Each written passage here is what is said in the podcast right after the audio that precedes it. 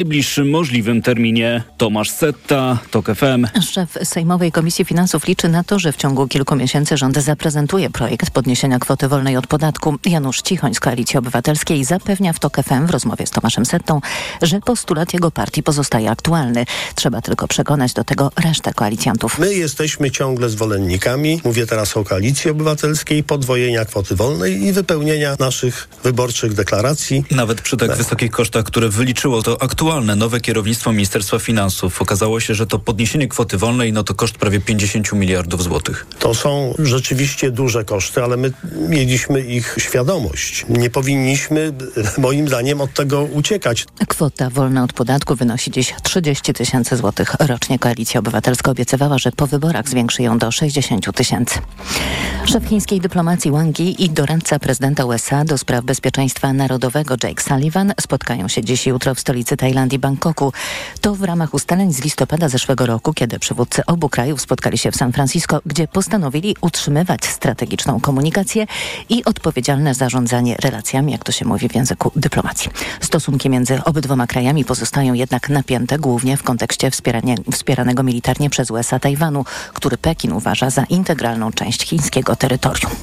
Międzynarodowy Trybunał Sprawiedliwości może dziś nakazać Izraelowi wstrzymanie działań wojskowych w Gazie. Chce tego RPA, która oskarża Izrael o ludobójstwo. Według palestyńskiego Hamasu w czasie trwającego od ponad trzech miesięcy konfliktu w strefie zginęło ponad 25 tysięcy osób. Kolejne informacje o 9.20, za chwilę magazyn EKG i Tomasz Setta. Pogoda. Całym kraju sporo chmur, choć będzie się chwilami przejaśniać. We wschodniej połowie przelotnie popada śnieg albo śnieg z deszczem. W drugiej połowie dnia na zachodzie i w centrum deszcz. Termometry pokażą dziś maksymalnie 0 w Białymstoku, plus 2 stopnie w Warszawie, w Gdańsku i Łodzi 3, w Krakowie 5, w Poznaniu 7, we Wrocławiu 8, a w Szczecinie 9. Czas na raport smogowy. Mapa smogowa świeci na zielono, a to oznacza, że nigdzie normy pyłów zawieszonych PM10 i PM2,5 nie są przekroczone. Kolejny raport smogowy po 17. Radio TOK FM. Pierwsze radio informacyjne. EKG. Ekonomia, kapitał, gospodarka. Tomasz Setta, dzień dobry. 6 minut po dziewiątej zaczynamy magazyn EKG. Razem z nami pierwszy gość Kamil Wyszkowski, dyrektor wykonawczy w UN Global Compact w Polsce. Dzień dobry. Dzień dobry.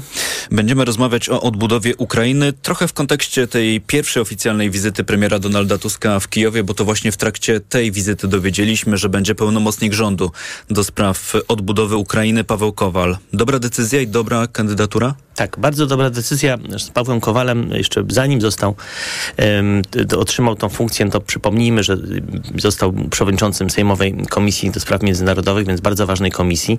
Zna się też jako historyk e, i też e, przecież wcześniej też, też w kierownictwie MSZ-u był. Osoba, która Ukrainie wie, można powiedzieć, prawie wszystko, może wszystko, więc rzeczywiście świetnie przygotowany i dyplomata, i, i, naukowiec, i też człowiek czynu, czyli zna, znam Pawła Kowala od tej najlepszej strony, czyli to jest bardzo dobry wybór, no i, i, i trzeba Pawłowi Kowalowi kibicować. Ja jeszcze tylko dorzucę, że, że dzisiaj jestem u Państwa w drugim kapeluszu też, tak, czyli jako, jako przedstawiciel UNOPS-u w Polsce. UNOPS to jest ta agenda ONZ, która zajmuje się właśnie programami odbudowy, e, przetargami międzynarodowymi e, ONZ, więc e, też razem z UN Global Compact będziemy na etapie, mam nadzieję, kwietnia, maja już uruchamiać w Polsce wspólne biuro, które będzie zajmowało się jeszcze szybszym prze, prze, po prostu procesowaniem tych programów odbudowy, które w Ukrainie no, też już się dzieją. To na razie one się działy na, w ramach Rapid Assistance. Teraz przechodzimy już do, do tych działań długofalowych, o czym też pewnie chętnie e, opowiem. E, powiedzieliśmy o tym, że pomysł dobry, jak pan ocenia kandydatura dobra, tylko ta e, lista wyzwań długa i to wyzwań niełatwych. No niestety ona się wydłuża z każdym dniem i z każdym dniem zniszczeń, które w Ukrainie się po prostu multiplikują. No dramat polega na tym, że już nawet ta, ten assessment report, który, który Bank Światowy wydał w lutym zeszłego roku, teraz czekamy na kolejny, będzie zaraz, tak za, za, za miesiąc, no to przypomnę, to było 411 miliardów dolarów strat wojennych w różnych sektorach, w różnych obszarach gospodarki ukraińskiej, która przy okazji poszybowała w dół, co zrozumiałe, no bo przecież Ukraina walczy. I ten, no, spodziewamy się, że ta wartość sięgnie no grubo ponad ponad 600 miliardów e, dolarów, natomiast no, sam może Państwo zobrazować, samo rozminowanie Ukrainy to jest koszt 49 miliardów dolarów. 30% terytorium Ukrainy zaminowane, podejście do portów są zaminowane minami morskimi. Też Rosjanie, co jest uważam absolutnym dramatem, no, używają tak zwanych plastikowych min przeciwpiechotnych, które są bardzo trudno, trudno wy, wy, wykrywalne. No my się te, teraz no, głównie rozmawiam z Ministerstwem Obrony Narodowej już w ramach nowego kierownictwa i z MSZ-em. Dziękuję też właśnie za zaangażowanie panu ministrowi Bartoszewskiemu że się te rzeczy zaczęły dziać, czyli też jest możliwa pomoc techniczna polska dla tego procesu rozminowania, no bo w tle oczywiście giną nie tylko żołnierze ukraińscy, ale też cywila, w szczególności dzieci, bo niestety Rosjanie też stosują tak zwane miny pułapki podwieszane pod zabawki, bądź, bądź też zaminowują budynki, które opuszczają, no i to jest ten dramat wojny, który najczęściej niestety dotyka tych, którzy najmniej na to zasługują, czyli no ludność cywilną w kraju, który jest ogarnięty agresją. Czyli wszystko to, o czym rozmawiamy, no to jest proces, z tego co rozumiem, dużo bardziej skomplikowany niż tylko taka prosta odbudowa budowa infrastruktury. Tak, żeby zobrazować Państwu skalę zobrazowania, to jeżeli Rosjanie, Państwo pamiętają, wysadzili tamę na Małej Kachowce, e, ona głównie służyła strategicznie temu, żeby chłodzić e, reaktory, do reaktor, reaktor, największej elektrowni atomowej, którą Ukraina posiada. Jest to w tej chwili znakomicie utrudnione, ponieważ to sztuczne jezioro, które było, które, jakby przytrzymywała tama na Małej Kachowce, zniknęło. E, konsekwencją przy okazji ogromne straty środowiskowe, zniszczonych kilkadziesiąt miejscowości. No i w tle, co gorsza, te wszystkie pola minowe, które były w miarę oznaczone przez armię ukraińską, one zostały przez wodę porwane, zwłaszcza te miny plastikowe, no nie wiadomo gdzie one teraz są. One są wszędzie i to jest potężny obszar, no i odkrycie gdzie one są i, i, i, i no zadbanie o to, żeby ten teren przywrócić do normalnego funkcjonowania dla ludzi, w szczególności dla cywilów, ale też dla e, ukraińskiego rolnictwa, e, to jest e, po prostu wyzwanie na lata. I, też to o to Rosjanom chodziło niestety w ramach tego dramatu, który, którego dokonali. A na ile pańskim zdaniem Zachód wciąż jest dzisiaj zainteresowany, żeby w takim dużym stopniu uczestniczyć w procesie odbudowy Ukrainy? Być może niesłusznie, ale połączę te dwa wątki, bo z jednej strony y, widzimy, że to zainteresowanie jest, ale z drugiej strony dostajemy też e, takie sygnały, że e, Europa i ten świat zachodni, ale skoncentruje się na Europie, no coraz bardziej myśli intensywnie o tym, w jaki sposób rozbudować tu w Europie przemysł obronny, żeby być w przyszłości gotowym na to, żeby odpierać ataki Rosji. Pytanie, czy te dwie rzeczy być może niesłusznie połączone przeze mnie, ale czy da się je pogodzić ze sobą, bo i tu, i tu są potrzebne do zaangażowania duże pieniądze. Mhm. No to pozwoli, pozwoli pan redaktor, że ja będę odpowiadał tej części humanitarnej i odbudowy, no bo część militarna no, nas nie dotyczy. To już jest bardziej oczywiście kwestia NATO i kwestia bezpieczeństwa. No, chyba każdy obserwuje, że tutaj rzeczywiście to zacieśnienie mm, się dzieje. No, przystąpienie do, do NATO Szwecji, czy, czy, czy ostatnio, czy, czy Finlandii, e, to jest, to jest proces, który e, bardzo dobrze to, to, obrazuje. Też ostatnia wizyta w Polsce byłego prezydenta Estonii. E, też polecam rozmowę z nim. Tutaj Fundacja Puławskiego o to, o, o to zadbała. Naprawdę bardzo, bardzo ciekawe, co pan prezydent mówił. No, pokazuje, jak wielkie jest też zaniepokojenie chociażby państw bałtyckich tym, że ta agresja rosyjska może pójść dalej, jeżeli Ukraina nie przetrwa, tak, jeżeli Ukraina zostanie poddana. No dalej oczywiście w kolejności jest, jest Polska i, i właśnie wspomniane kraje bałtyckie, one się tego oczywiście bardzo boją. Natomiast odchodząc od tej y, geopolityki związanej z bezpieczeństwem, no to mamy format y, z Lugano, format pomocy humanitarnej, wokół którego zgromadziło się ponad 50 państw, y, państw wysoko rozwiniętych w szczególności, które zaoferowały Ukrainie wsparcie. No to wsparcie się dzieje, to też chcę podkreślić i rolą Polskiego Biura UNOPS-u będzie też wzmocnienie tego dialogu, czyli będziemy starali się dyplomatów którzy są obecni w Polsce albo do Polski przylatywać będą cyklicznie. To jest głównie ten wątek rozmowy z MSZ, z panem, z panem ministrem Bartoszewskim. No, no, może nie odpytywać, bo to złe słowo, ale, ale dopytywać, jak szybko i jak, jak, jak płynnie te kolejne transze wsparcia dla odbudowy Ukrainy będą, e, będą realizowane. Też przy okazji oferując, jeżeli jakiś rząd się obawia, że Ukraina jest albo skorumpowana, albo niewydolna, no bo walczy, no to proszę bardzo, system ONZ ma swoje mechanizmy, które pozwalają na wdrożenie programów odbudowy, czy to są drogi, mosty, czy sieć energetyczna, czy odbudowa szpitali, szkół, e, czy domów mieszkalnych. My to po prostu robimy, e, podobnie jak rozminowanie. Więc, więc nie ma co czekać i też nie ma co wymawiać się tym, że jeszcze nie ma porozumień pokojowych. No absolutnie nie musi być tak, że one mają być podpisane, żeby odbudować Ukrainę. My to robimy od właściwie pierwszych tygodni wojny. Czyli e, wracając do mojego pytania, to zainteresowanie mm, cały czas jest tym tak, procesem ono, odbudowy. Ono, ono jest, bo temu też służy dyplomacja, że jeżeli się coś powiedziało w ramach formatu Lugano, to się za te słowa bierze odpowiedzialność. Rolą organizacji międzyrządowych, takich jak ONZ, to jest dbanie o to, żeby ten format trwał. No, obok oczywiście innych interesariuszy, którzy wokół tego formatu się skupili. No i stąd mamy kolejne konferencje w Londynie, Paryżu, Berlinie i tak dalej, które jakby pokazują, że to zainteresowanie rzecz jasna jest i też mamy no, liderów, no chociażby rząd Japonii, 4, ponad 4 miliardy mm, dolarów wsparcia, czy rząd Stanów Zjednoczonych, co jest zrozumiałe też w tym komponencie zbrojeniowym, rząd y, duński, czy, czy, czy w ogóle generalnie Skandynawia bardzo aktywna na tym polu, więc no też liczę na to, że Polska będzie, będzie też w tym obszarze odbudowy bardzo aktywna. To wynika trochę z zapowiedzi, które usłyszałem w MSZ. No, jeśli chodzi o wsparcie finansowe, to mamy jeszcze na horyzoncie spodziewaną decyzję Unii Europejskiej o takim e, pakiecie tej pomocy finansowej, ale tutaj wciąż blokującym są Węgry. Być może uda się tę blokadę znieść na początku lutego. Tak, i tu jeden wątek bardzo ciekawy, to jest unikalna rzecz, która się wydarzyła. Na ostatnim szczycie w Davos i też chwilę wcześniej sekretarz generalny Antonio Guterres e, zwrócił uwagę na to, że najlepszym mechanizmem stabilizacji Ukrainy, obok oczywiście pomocy humanitarnej odbudowy, to jest zadbanie o to, żeby te procesy transformacyjne no, no, popychały Ukrainę w kierunku zachodu, w kierunku wspólnoty europejskiej. Czyli to jest absolutnie ciekawe, że no też to jest nasze zadanie w ramach biura e, UNOPS-u, czy w Polsce, czy, czy biura UNOPS-u w Ukrainie, żeby wesprzeć wysiłki ukraińskie w, w, w, procesie akcesji do Unii Europejskiej. To się rzadko zdarza, tego typu polityczny proces. Więc o tym mówię no, z niejaką dumą, bo Rzadko się zdarza, żeby mieć tak e, zdecydowanego sekretarza generalnego ONZ jak Guterres właśnie w temacie właśnie wojny w Ukrainie, e, co też chętnie dorzucam w kontekście moim zdaniem bardzo uproszczonych różnego rodzaju komunikatów medialnych w zakresie ostatniego uścisku dłoni z Ławrowem. E, to, że Ławrow wchodził na spotkanie Rady Bezpieczeństwa, to każdego wita sekretarz generalny, bo z tego wymaga kultura po prostu. To podobnie jak pani Ursula von der Leyen wita każdego przywódcę, który wchodzi na, na salę, gdzie spotyka się Rada Europejska. Na tym to polega. A nie jest jakimś odzwierciedleniem osobistego stosunku. Absolutnie nie. To zresztą do widać, osoby do sprawy, to widać po, po, po, po, tym, co sekretarz generalny Guterres mówił pierwszego dnia wojny, powiedział o tym, że agresja rosyjska na Ukrainę, złamanie kart Narodów Zjednoczonych.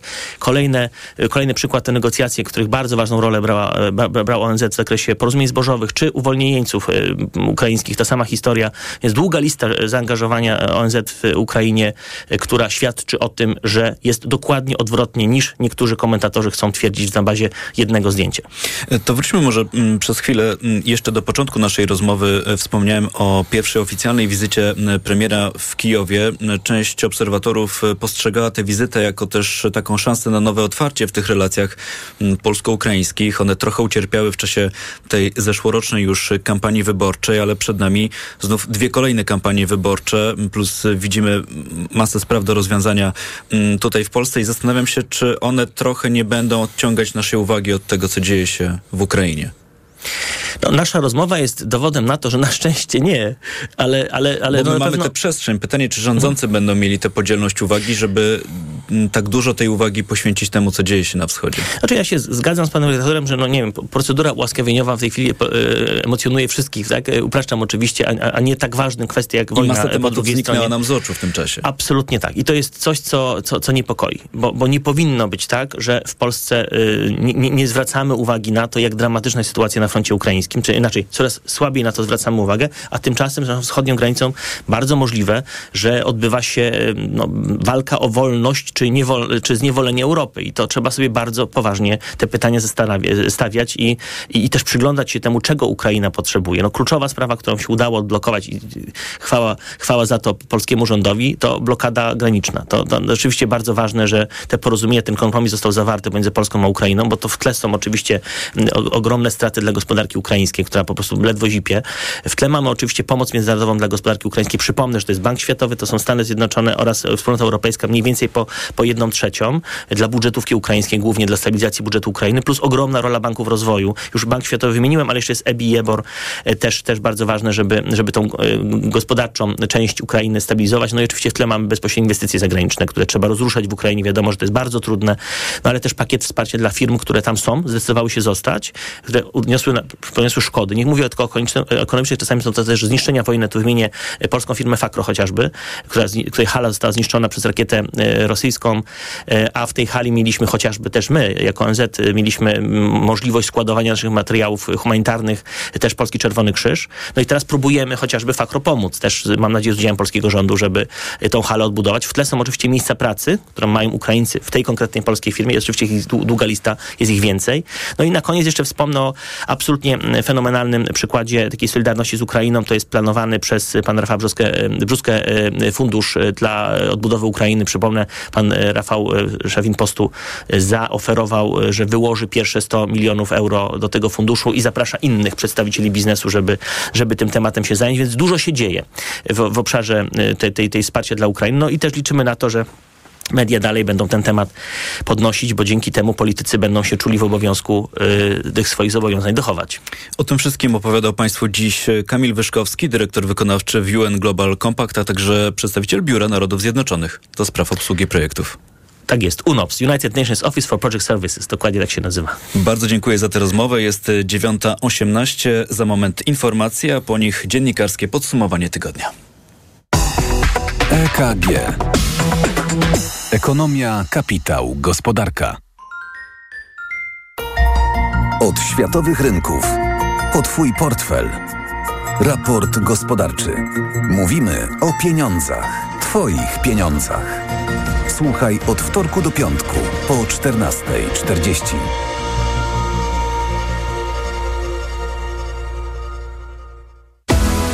Na raport gospodarczy zaprasza sponsor, właściciel OLX-a, serwisu z ogłoszeniami o pracę. Reklama. Wielka wyprzedaż Fiata Professional trwa. Wybierz Skudo. Kompaktowy samochód dostawczy z ładownością aż do 1400 kg i z dwulitrowym silnikiem diesla o mocy 145 koni mechanicznych. Teraz Skudo dostępne z rabatem aż do 29 tysięcy złotych netto oraz promocyjnym leasingiem dla firm od 101%. Szczegóły w najbliższym salonie lub na fiatprofessional.pl. Skudo dostępne również w wersji w pełni elektrycznej. Skorzystaj z niesamowitych okazji. Za 3, 2, 1, pół! W Lidlu styczniowe okazje za pół ceny. Tak jest, za pół ceny. Od czwartku w Lidlu z kuponem Lidl Plus. Pomarańcze deserowy luzem, cena przed obniżką 6,99. Teraz za pół ceny, tylko 3,49 za kilogram. A cytryny luzem, cena przed obniżką 8,99. Teraz za pół ceny, tylko 4,49 za kilogram. Szczegóły promocji w aplikacji Lidl Plus. Za pół ceny zakupy robię w Lidlu. Myślisz o remoncie łazienki? To doskonale, bo tylko do 13 lutego w OBI aż 20% rabatu na ponad 130 kabin prysznicowych. A do tego ponad 150 gresów w różnych rozmiarach, także o 20% taniej. Już dziś skorzystaj z okazji i odmień swoją łazienkę z OBI. Pamiętaj, w najbliższą niedzielę jesteśmy otwarci. Szczegóły promocji w regulaminie. Zrobisz to z OBI. Reklama. Radio TOK FM. Pierwsze radio informacyjne. Informacje TOK FM. 9.21 Marta Perchuć-Burzyńska zapraszam. Bezprecedensowy apel sędziów Sądu Apelacyjnego w Warszawie. Jak informuje Okopres, sędziowie chcą, by minister Adam Bodnar odwołał całe kierownictwo tego sądu na czele z Piotrem Schabem. Sędziowie nie ufają nominatom Ziobry i uważają, że pozostawienie ich na stanowiskach godzi w dobro wymiaru sprawiedliwości. Apel podpisało aż 52 sędziów i jest to największy tego typu apel sędziów apelacyjnych w Polsce. Najwcześniej w marcu Sejm zacznie pracę nad ustawami, które mają zliberalizować prawo aborcyjne. Zapowiada marszałek Szymon Hołownia. W środę projekt przepisów dopuszczających legalne przerywanie ciąży do 12 tygodnia wniosła do Sejmu Koalicja Obywatelska. Wcześniej dwa projekty zmian w prawie aborcyjnym złożyła Lewica. Polski sukces w Australian Open. Jan Zieliński w parze z Suejsie z Tajwanu wygrali turniej par mieszanych. To pierwszy wielkoszlemowy tytuł 27-letniego deblisty. Michał Waszkiewicz. Jan Zieliński marzył wprawdzie o zwycięstwie w deblu, w którym rok temu dotarł w Melbourne do finału, ale triumf w mikście to jego największy życiowy sukces. W finale razem z Suejsie pokonali Brytyjczyka Nila Skupskiego i Amerykankę Desiree Krawczyk 6-7, 6-4, 11-9. Zieliński w Eurosporcie mówił, że mecz był ciężki, ale sukces smakuje wyjątkowo. Już byliśmy jedną nogą za burtą, 2-4 w drugim secie. Co mogę powiedzieć? Przełamałem polską klętwę gry mieszanej w finałach wielkoszlemowych. Bardzo się z tego cieszę. Zieliński liczy, że to nie koniec jego sukcesów. Dalej jest dużo marzeń. Jest to tylko jaż gra mieszana. Celujemy dalej w gry deblowe. Dla polskich kibiców to świetna wiadomość, ale fani tenisa na całym świecie dziś przecierali oczy ze zdumienia patrząc jak Janik Sinner po profesorsku ogrywa Nowaka Dżokowicza. Dla Serba była to pierwsza porażka w Melbourne od 6 lat, a Włoch po raz pierwszy w karierze zagra o wielkoszlemowy tytuł. Michał Waszkiewicz, TOK FM. Władze Kolumbii ogłosiły stan klęski żywiołowej w związku z licznymi pożarami lasów, które rozprzestrzeniają się w dziewięciu departamentach. Wczoraj żywioł dotarł do stolicy kraju, Bogoty. Pogoda. Piątek pochmurny z opadami śniegu i deszczu, ale też przejaśnieniami i chwilami ze słońcem. Najcieplej będzie na zachodzie do plus 9 stopni, najchłodniej minus 1 na Suwalszczyźnie. Radio TOK FM. Pierwsze radio informacyjne. EKG. Ekonomia, kapitał, gospodarka. Jest 9.23, a w naszym studiu dziś kolejni goście. Pani Anna Popiołek z Gazety Wyborczej. Dzień dobry. Dzień dobry. Pan Konrad Sadurski z tygodnika Newsweek. Dzień dobry. Dzień dobry. I Bartłomiej Derski, portal wysokienapięcie.pl również jest z nami. Dzień dobry. Dzień dobry. E, wbrew trochę naszym e, planom na to dzisiejsze e, spotkanie, zacznę od sprawy, która miała miejsce wczoraj wczesnym popołudniem. Chodzi o Pałac Prezydencki, gdzie miało się odbyć takie uroczyste powołanie nowych członków Rady Dialogu dialogu społecznego. RDS, bardzo często przedstawicieli RDS-u gościmy tutaj w magazynie EKG. To przypomnę jest e, następczyni tej dawnej komisji trójstron, trójstronnej, czyli takie miejsce spotkań mm, aktualnego rządu, pracodawców i e, związkowców. E, bardzo ważna sprawa. No, rzecz w tym, że wciąż w składzie tej rady nie ma nowych członków Rady Ministrów. Formalnie musi ich powołać prezydent i temu wczoraj miała służyć ta uroczystość w Pałacu Prezydenckim, do której nie doszło. No bo jak się okazało, ministrowie w ostatniej chwili, tak twierdzi kancelaria prezydenta, mieli odwołać swój udział w tej uroczystości. Powód to trwające posiedzenie Sejmu. No, spora część ministrów to są mm, jednocześnie posłowie, więc to stało na przeszkodzie, żeby mogli wczoraj się mm, po, po, po pojawić w pałacu. I tak kończąc dwa zdania ode mnie, no problem polega na tym, że kancelaria się upiera, że żeby móc powołać tych członków Rady Ministrów w skład RDS-u, musi dojść do uroczystości. Musi pan prezydent wręczyć te powołania osobiście. E, z drugiej strony wsłuchuje się w to, co mówią dziś członkowie Rady Dialogu Społecznego, że to nie do końca jest prawda, czy właściwie nie jest prawdą, bo zdarzały się już takie przypadki, że ktoś dostawał takie powołanie, na przykład e, pocztą, i był formalnie członkiem RDS-u, a uroczystość jako taki miły dodatek e, pojawiała się z opóźnieniem. E, to teraz już pytanie do, do, do Was, może na początku Konrad e, Sadurski, bo tak się zastanawiam, czy to jest jakiś taki gest ze strony ministrów, którzy nie chcą się pojawiać w Pałacu Prezydenckim? Czy to jest znowu jakiś gest ze strony Pałacu Prezydenckiego, który się upiera, żeby to była uroczystość, chociaż jak słyszymy już od początku stycznia, te powołania leżą na stole i tylko czekają na podpis Andrzeja Dudy. Tutaj sprawa wydaje się być bardzo prostą. To znaczy, e, prezydent jako osoba, która e, zwołuje to posiedzenie i wręcza nominację, powinien znać, na pewno zna rozkład prac Sejmu, wie, że ministrowie, niektórzy są posłami, mógł zorganizować to spotkanie poza e, czasem, kiedy są te obrady Sejmu. E, jakoś na razie mam taki odruch, taki odruch, żeby nie robić z tego wydarzenia jakiegoś wydarzenia symbolicznego. Miejmy nadzieję, że to tylko niedopatrzenie. Natomiast gdyby ten e, stan rzeczy miał się przedłużać, to byłoby bardzo niepokojące, dlatego że Rada Dialogu Społecznego jest tym ważnym ciałem, w którym ucierają się poglądy zarówno pracodawców, jak i e, związków zawodowych. Lepiej, żeby one się ucierały na tej komisji podczas obrad tego, tej instytucji, niż, e, niż na ulicach w czasie protestów. To jest oczywiste i dla prezydenta rozumiem również. Który formalnie jest też e, no, kimś w rodzaju patrona mm, Rady Dialogu e, e, Społecznego.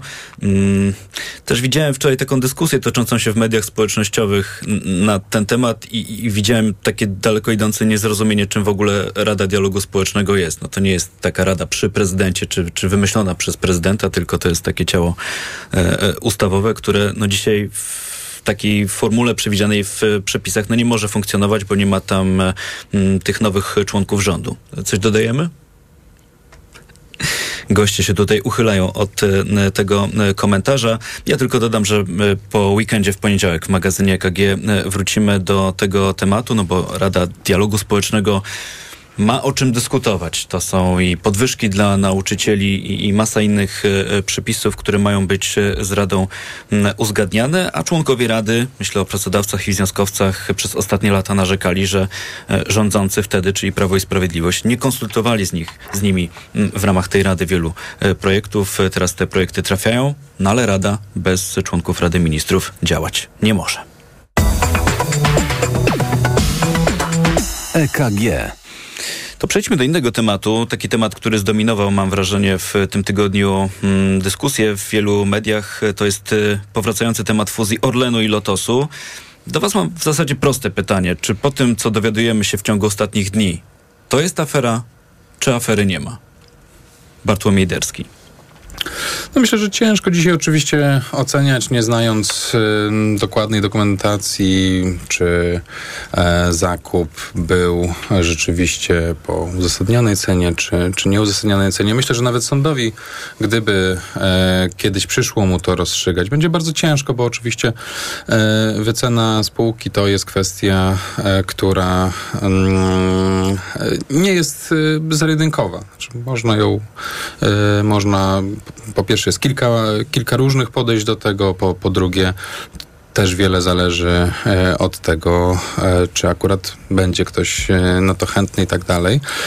Natomiast no, mnie zawsze dziwiło, że jedne pomysły polskich polityków, i to nie, nie dotyczy tylko mm, poprzedniego rządu Zjednoczonej Prawicy, ale, ale przecież za, za poprzedniej platformy było podobnie, kiedy PGE miało przejmować Energię, mm, a później za Zjednoczonej Prawicy to Orlen przejmował Energię, PGNiG, Ruch, e, mm, Lotos i tak dalej, że jedyne pomysły to jest taki chów wsobny, znaczy, że te polskie państwowe spółki mają przejmować inne państwowe spółki i później opowiadają, że są wielkimi europejskimi czempionami, e, zamiast wychodzić e, za granicę, bo przecież jak, e, jak Orlen zaczynał fuzję z PGNiG-iem, no to, to obie spółki były wyceniane na bardzo podobnym poziomie i tak naprawdę obie mogły wyjść za granicę, przejmując e, jakieś inne koncerny, inwestując już być może dywersyfikując w ogóle swoje portfolio, nie inwestując koniecznie w energetykę konwencjonalną, być może już bardziej w, w odnawialną, przyjmując jakieś udziały na przykład w firmach nie wiem, choćby produkujących turbiny wiatrowe, czy, czy coś e, w tym stylu, a, a jedyne pomysły no, zwykle zaczynają się i kończą na, na przejmowaniu się wzajemnie w ramach polskiego e, Skarbu Państwa. Rozumiem, że wracając do jakby wątku y, wyłącznie fuzji Orlenu i Lotosu, to tutaj z jakimiś y, takimi daleko idącymi ocenami wstrzymujemy się w zasadzie do momentu, kiedy poznamy y, pełny raport Najwyższej Izby y, Kontroli. To, to za chwilę Konrad, y, Ania Popiołek. Też, też mam pewne obiekcje, bo jak najbardziej się zgadzam, e, jeżeli chodzi o te kwoty wycen, w zależności od tego, e, jaką metodę przyjmiemy, te kwoty mogą być różne. Tutaj trochę niepokojące jest, że ten e, rozstrzał, że ta różnica jest rzeczywiście znaczna. To jest prawie cztero, czterokrotna, ale ja bym tutaj skupiła się bardziej nad, ym, na analizie powodów, po co w ogóle łączyć te spółki, bo y, ja pamiętam, że od początku były, y, były wątpliwości, jakie korzyści z tego płyną, tak? No bo tak jak tutaj mówiłeś, łączymy państwowe spółki, robimy gigantów, tylko po co, tak? Kto na tym zyskuje? Y, Tracimy kontrolę nad, nad częścią tej, tej spółki, żeby pokazać, że, że mm, że mamy jednego wielkiego e, państwowego giganta. E, trochę to mi przypomina też e, pomysły, żeby na przykład bank PKO wchłonął Alior. I też tam nie było żadnych powodów, żadnych analiz, które by pokazywały, że będzie to korzystne dla banków, a trochę takie ambicje menadżerów zarządzających, że to ja stałem na czele banku, kiedy wchłonęliśmy inny mały bank.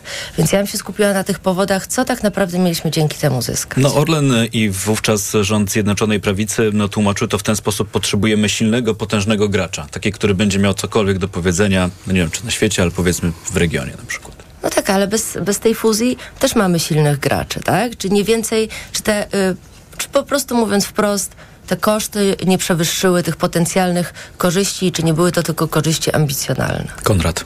E, Dla mnie liczba wątpliwości związanych z tą transakcją i problemy e, z wyjaśnieniem niektórych, w zasadzie większości wątpliwości sprawia, że to jest afera. Jedna z większych afer w III Rzeczpospolitej. Przede wszystkim Orlen parł do tej fuzji. Parł do tej fuzji niezależnie od warunków e, antymonopolowych, które, e, które obowiązują w Unii Europejskiej. Był gotów nawet wyprzedać 30% jednej z najnowocześniejszych w Europie rafinerii, rafinerii gdańskiej, która należała do Lotosu, po to tylko, żeby zdobyć jak największą część rynku, żeby prezes Obajtek miał jak największe wpływy. E, Tę transakcję przeprowadzono nie w normalnym trybie, tylko w trybie covidowym, co oznacza, że y, inwestorów zagranicznych wpuszczono bez y, sprawdzania tej transakcji przez wiele instytucji, w tym kilka instytucji służb e, bezpieczeństwa, tylko e, na podstawie decyzji prezesa Łokiku. E, to już jest bulwersujące samo w sobie.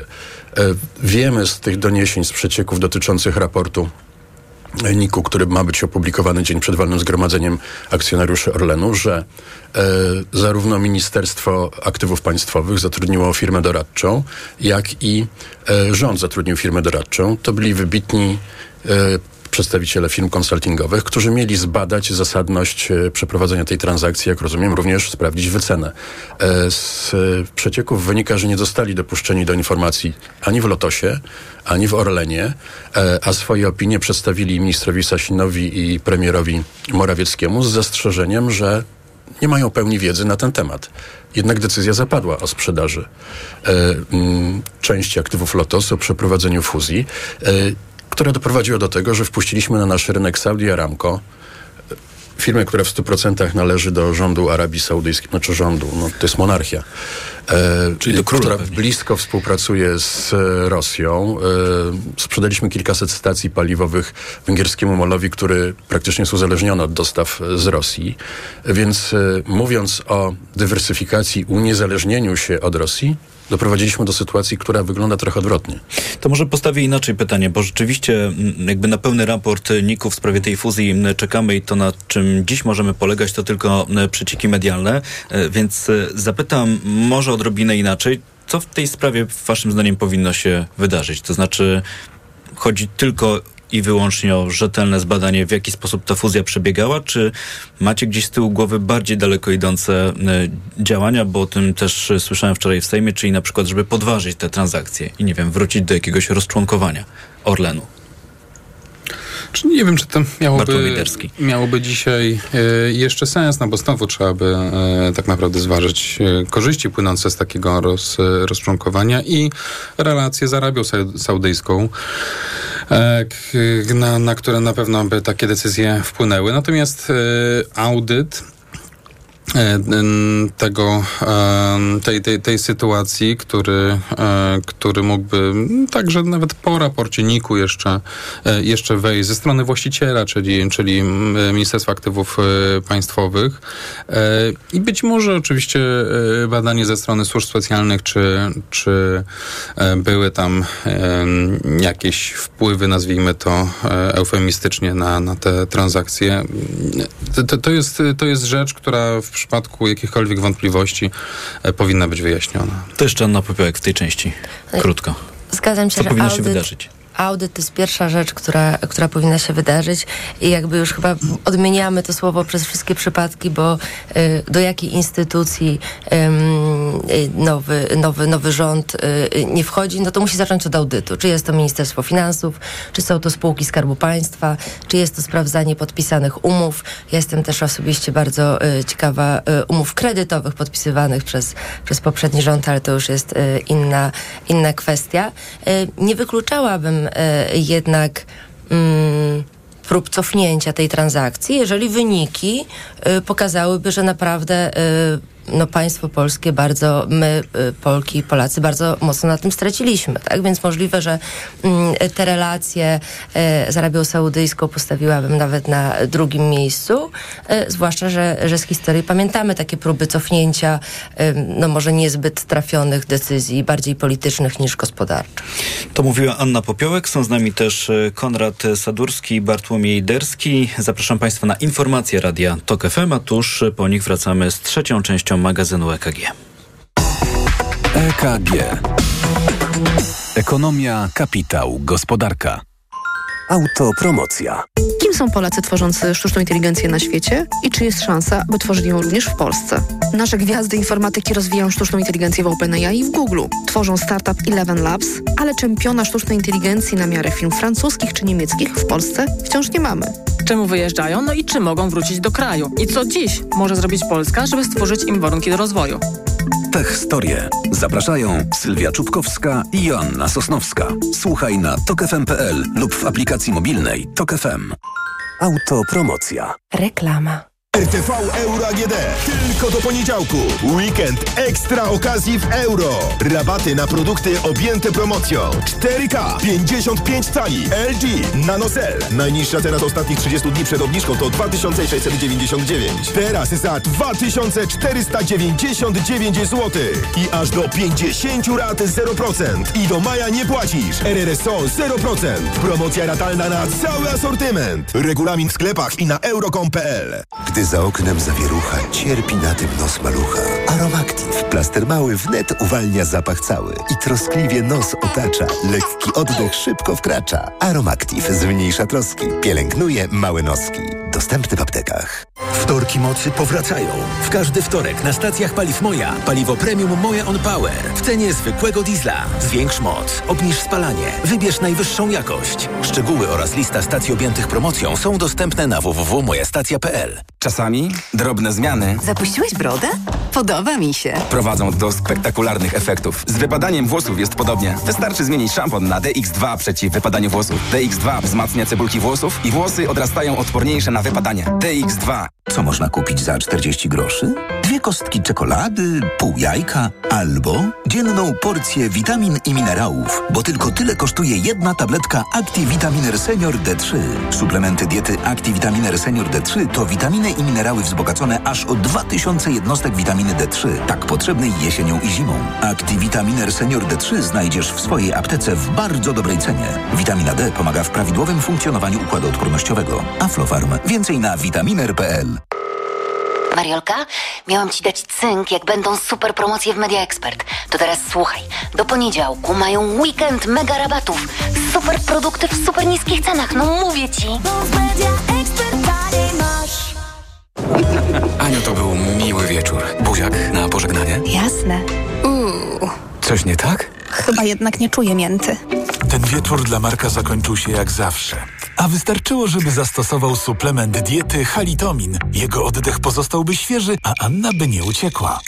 Halitomin zawiera wyciąg z ziela tymianku na długo odświeżający oddech. To niewątpliwie szansa dla Marka na udane spotkania. Halitomin. Bloker nieświeżego oddechu. Aflofarm. Action czekają na Ciebie ekstremalnie niskie ceny. Skarpetki z bawełny ze zrównoważonych upraw 3 pary 8,98. Najniższa cena w ciągu ostatnich 30 dni 11,95 przed obniżką. Czy wiesz, że kupujemy bawełnę tylko ze zrównoważonych upraw? Wow, z korzyścią dla środowiska i tanio. Action niskie ceny, duży uśmiech.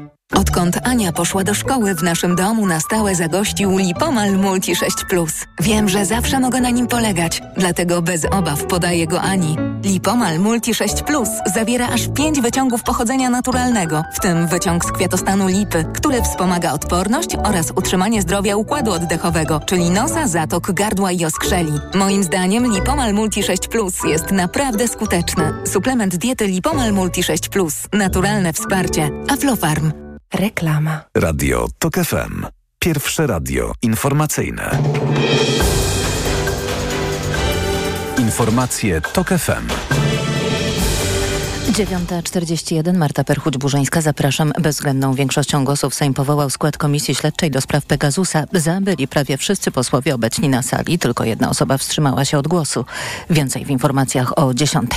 O obsadzeniu kluczowych stanowisk w armii będą dziś rozmawiać prezydent i minister obrony. Andrzej Duda i Władysław Kosiniak-Kamysz spotkają się w Biurze Bezpieczeństwa Narodowego. Na mianowanie czekają Wojska Obrony Terytorialnej i Dowództwo Generalne. Obu dowództwów powołuje prezydent na wniosek ministra obrony. Najczęściej nadawanymi imionami w Polsce w zeszłym roku były Zofia i Nikodem, poinformowało Ministerstwo Cyfryzacji. Na podium wśród imion żeńskich były też Zuzanna i Laura, a wśród męskich Antoni i Jan. Uważany za zaginiony od prawie 100 lat portret panny Liser autorstwa Gustawa Klimta trafi na aukcję w Wiedniu. Jak informuje BBC, dom aukcyjny w austriackiej stolicy oszacował wartość obrazu na ponad 54 miliony dolarów. Portret był po raz ostatni widziany publicznie w 1925 roku. Późniejsze losy płótna nie są znane, ale wiadomo, że rodzina obecnych właścicieli znajduje się w jego posiadaniu od lat 60. XX wieku. Pogoda. Na wschodzie popada śnieg, w pozostałych regionach deszcz, możliwe są też przejaśnienia. W ciągu dnia termometry pokażą od zera na Podlasiu przez plus 3 stopnie w centrum do 9 na zachodzie. Radio TOK FM. Pierwsze radio informacyjne. EKG. Ekonomia, kapitał, gospodarka. 9.42. Wracamy do naszej dyskusji. W studiu przypomnę dziś Anna Popiołek, Konrad Sadurski i Bartłomiej Derski. Może nietypowo, zwykle te zdziwienia zostawiam na koniec, ale e, może od nich zaczniemy i, mm, i takim otwartym mm, pytaniem to naszą, tę te, te, część naszego spotkania dzisiaj zaczniemy. Co was dziwi? Anna Popiołek może na początek? E, tak, bardzo chętnie. Ja jestem bardzo, bardzo zdziwiona postawą bankowców w tym tygodniu, którzy po czwartym z rzędu orzeczeniu Trybunału Sprawiedliwości Unii Europejskiej w sprawie kredytów we frankach idą w zaparte i twierdzą, że należy im się wynagrodzenie za, za, za udzielenie e, kapitału, tak, kredytu, czyli, czyli mówiąc wprost odsetki. E, I TSUE już czwarty raz, począwszy od połowy czerwca y, ubiegłego roku wypowiada się, mówi, że żadnego wynagrodzenia, żadnej waloryzacji, już na wszelkie, wszelkie sposoby y, próbuje, próbuje tworzyć te, te, te odpowiedzi, żeby było jasne, ale wciąż są y, znaki zapytania dla banków, którzy, które zupełnie inaczej rozumieją te, te, te wyroki. I myślę, że to jest bardzo no, niefortunne e, podejście do, do problemu, bo uważam, że bardzo fajnie, że mm, lobby bankowe powiedzmy jest, jest mocne, e,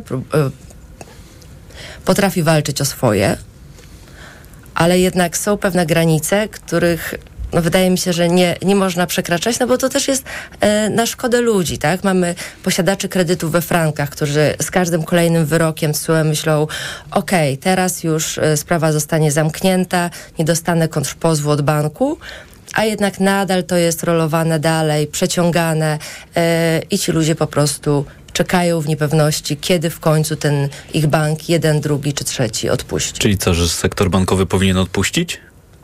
Wydaje mi się, że już y, po czwartym wyroku y, czas najwyższy. Na Bo tak się zastanawiam, w którym miejscu kryje się zdziwienie, bo pamiętam też te inne przełomowe, tak się o nich mówiło, e, decyzje unijnych trybunałów w sprawie Frankowiczu z poprzednich lat i wyglądało to dokładnie w ten sam sposób. To znaczy my tutaj w mediach mówiliśmy, że w bardzo dużym uproszczeniu wyrok jest na korzyść konsumentów, a sektor bankowy przekonywał, że tak w sumie nie do końca jest, bo na końcu musi o tym zdecydować polski sąd takiej pojedynczej e, sprawie e, Frankowicza, że, jakimś, e, że wyrok TSUE jest jakimś takim kierunkowym pokazaniem, w którą stronę pójść, ale na końcu decyzja należy do tego konkretnego sędziego, który ma przed sobą bardzo konkretną sprawę. Tak, i po pierwszym wyroku, tym z czerwca, miałam takie samo podejście, ale moje zdziwienie jest polega na tym, że jest to czwarty wyrok, w którym TSUE czwarty raz mówi to samo a banki wciąż nie są, nie są co do tego przekonane. To mówiła Anna Popiołek, bardzo dziękuję.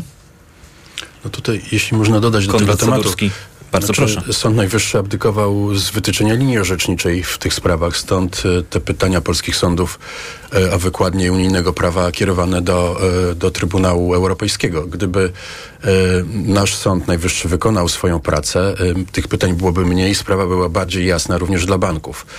Nie wydaje mi się, żeby banki w którymś momencie same zrezygnowały i odpuściły tą sprawę. One będą bronić swojego interesu w domyśle interesu deponentów, tak to przedstawiają, e, przez cały czas. No tutaj oczekiwałbym jasnej wykładni prawa i jest nadzieja na to, że coś się zmieni w tej sprawie, może nie tyle przez, poprzez Sąd Najwyższy, bo tam ciągle jest dużo neosędziów, E, co komplikuje sprawę. Natomiast e, minister Bodnar powołał do ministerstwa panią Wiewiórowską, która pracowała u niego w biurze rzecznika e, i organizowali wspólnie akcję uświadamiania kredytobiorców, jakie mają prawa i jak o te prawa walczyć w sądach. Więc rolą pani Wiewiórowskiej ma być uproszczenie procedur i doprowadzenie do jak najbardziej jak największego wyjaśnienia tych problemów.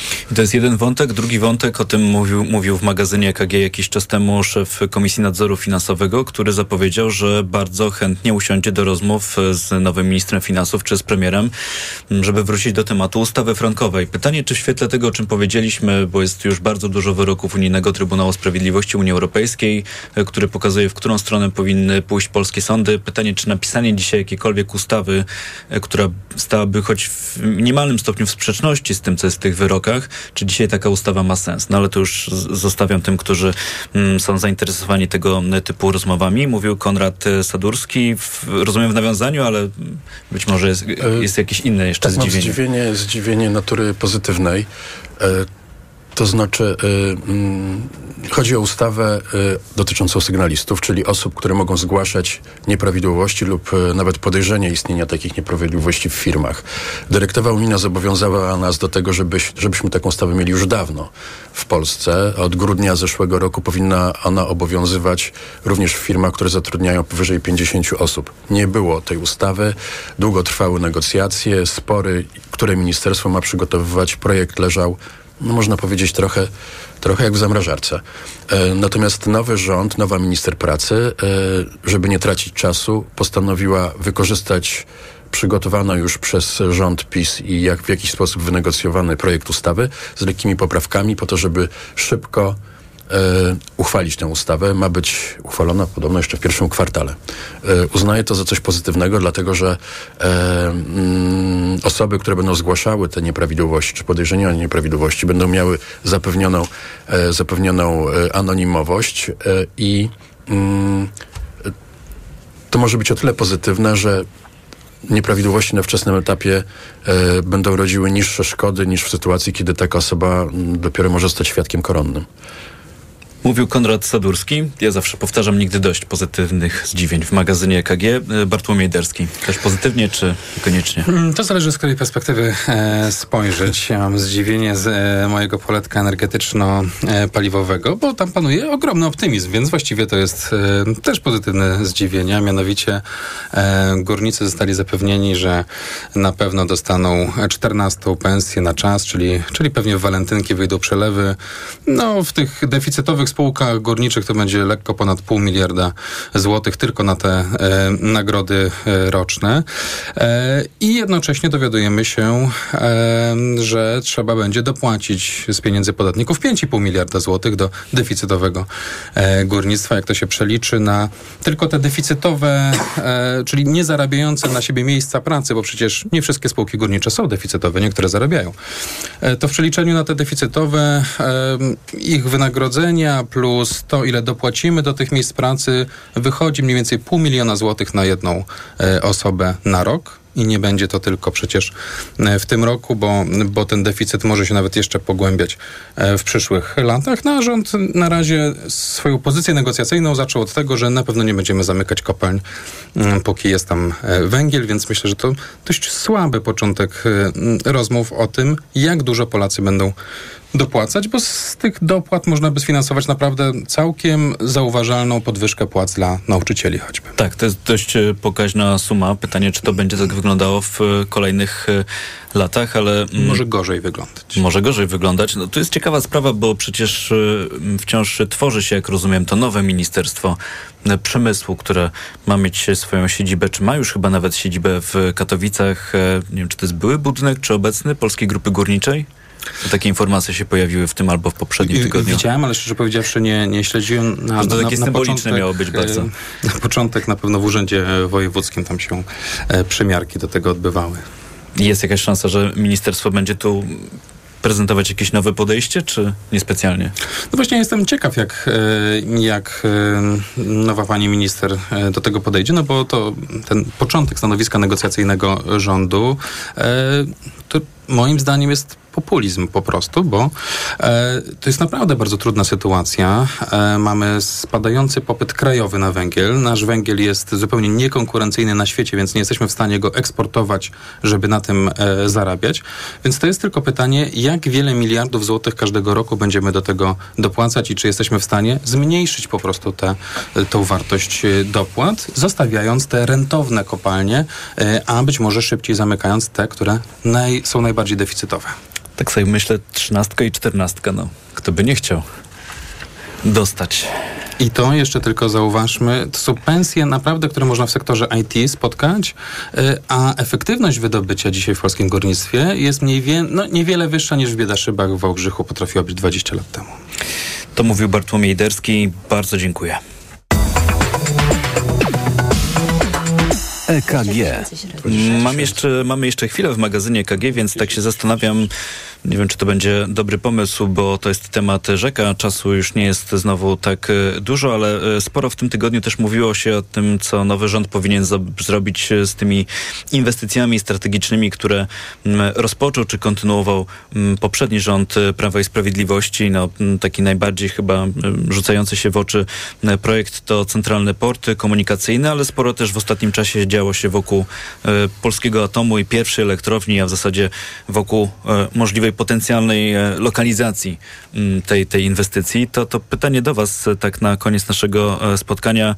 No, w którą stronę powinniście tutaj pójść? Bo ja obserwuję, to jest jakby moja opinia, mm, taki duży poziom upolitycznienia tych wszystkich pomysłów, co niekoniecznie służy sprawie. Decyzje.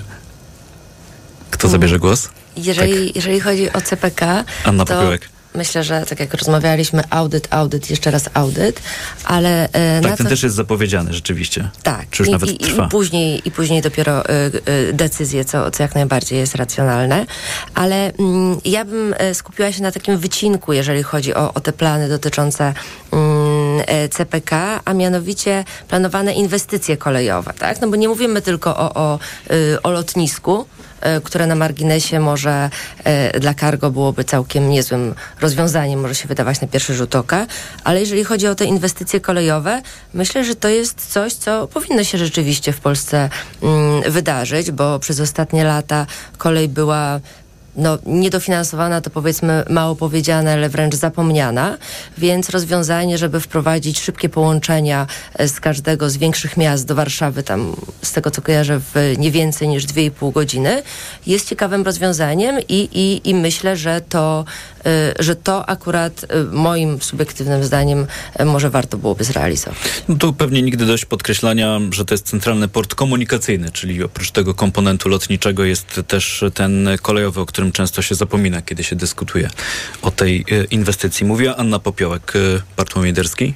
Nie, to jest oczywiście co do, co do kolei, to jest najlepszy element tego, tego planu i on powinien być realizowany, bo, bo to jest ewidentnie przyszłość transportu na tych krótszych dystansach. Będzie zastępować transport lotniczy e, po prostu. Dopóki nie ma strajku maszynistów, to tak nawiązuje do tego, co na przykład dzieje się teraz w Niemczech. No ale to jakby osobna kwestia. Natomiast jeżeli chodzi o atom, no to, to, to znowu jakiś, jakiś fatalny początek now, now, nowego rządu w tym e, obszarze, no bo, e, bo nagle pani wojewoda wyskakuje z, z taką informacją, którą, którą rząd szybko dementuje, więc na razie status quo atomu jest taki, jakie było, czyli mamy wybranego wykonawcę, nie mamy żadnego finansowania zapewnionego na ten projekt, tak więc już jakby poszliśmy do salonu samochodowego, wybraliśmy sobie tego Maybacha, tylko teraz się zastanawiamy w sumie skąd wziąć na to pieniądze, tak? No i, e, i, i tylko tyle nas dzieli od zakupu tego Maybacha. Tak więc y, spokojnie myślę, że jeszcze pewnie rok, dwa lata albo i dłużej będziemy się nad tym e, zastanawiać, bo ktoś w końcu musi podjąć męską decyzję, wyjść i powiedzieć, że będziemy mieli na przykład opłatę atomową na rachunkach i tyle, a tyle ona będzie wynosić po to, aby sfinansować ten projekt. Co do jego e, potrzeb można oczywiście e, dyskutować. Opłata na rachunku za energię, czyli to my byśmy się wszyscy składali w takiej formie No nikt na tę inny. inwestycję. Jakieś byśmy musieli. Znaczy ja myślę, że z tymi dużymi, dużymi inwestycjami jest e, podstawowy problem, że one, e, skoro dotyczą olbrzymich kwot, to e, z natury są polityczne. Wymagają naprawdę zaangażowania nie tylko w trakcie jednej kadencji, ale czasem dłużej ze względu na proces inwestycyjny. I tutaj e, z tych dwóch inwestycji CPK i Atom e, dla mnie o wiele bardziej istotny jest atom e, i gdyby skupić się na tym i prześledzić, jak e, kolejne polskie rządy zajmowały się kwestią budowy elektrowni atomowej, to e, no to nie wiem, co to by było. Czy to by był dramat, czy komedia. Pamiętam, jak jeszcze za czasów, kiedy premier Pawlak był wicepremierem do spraw gospodarczych, powołano pełnomocnika do spraw wprowadzania i budowy elektrowni atomowej i tym pełnomocnikiem, jak szybko dziennikarze odkryli, była osoba, która ma sceptyczne podejście do mm, atomu.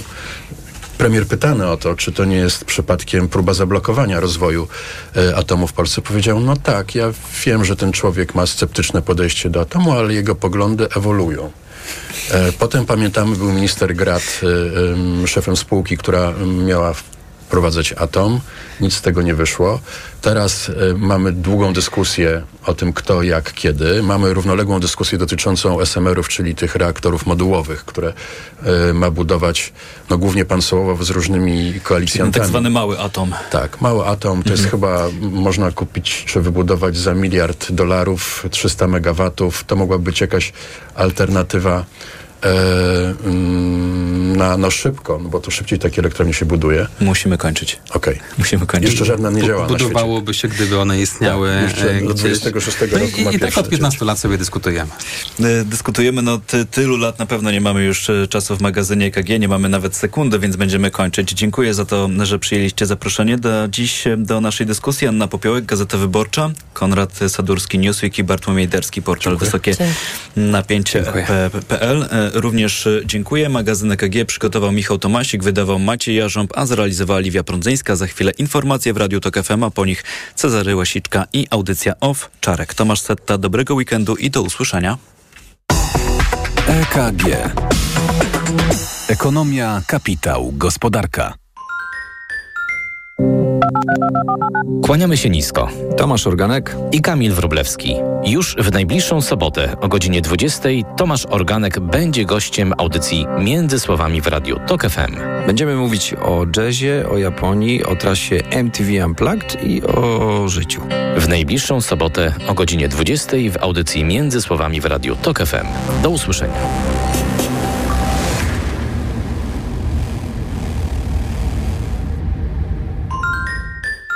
Reklama. Jestem.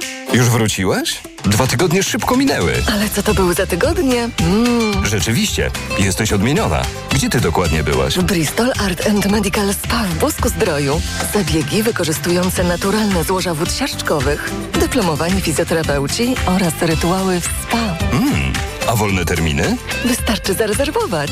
Bristol Art and Medical Spa w Bosku Zdroju.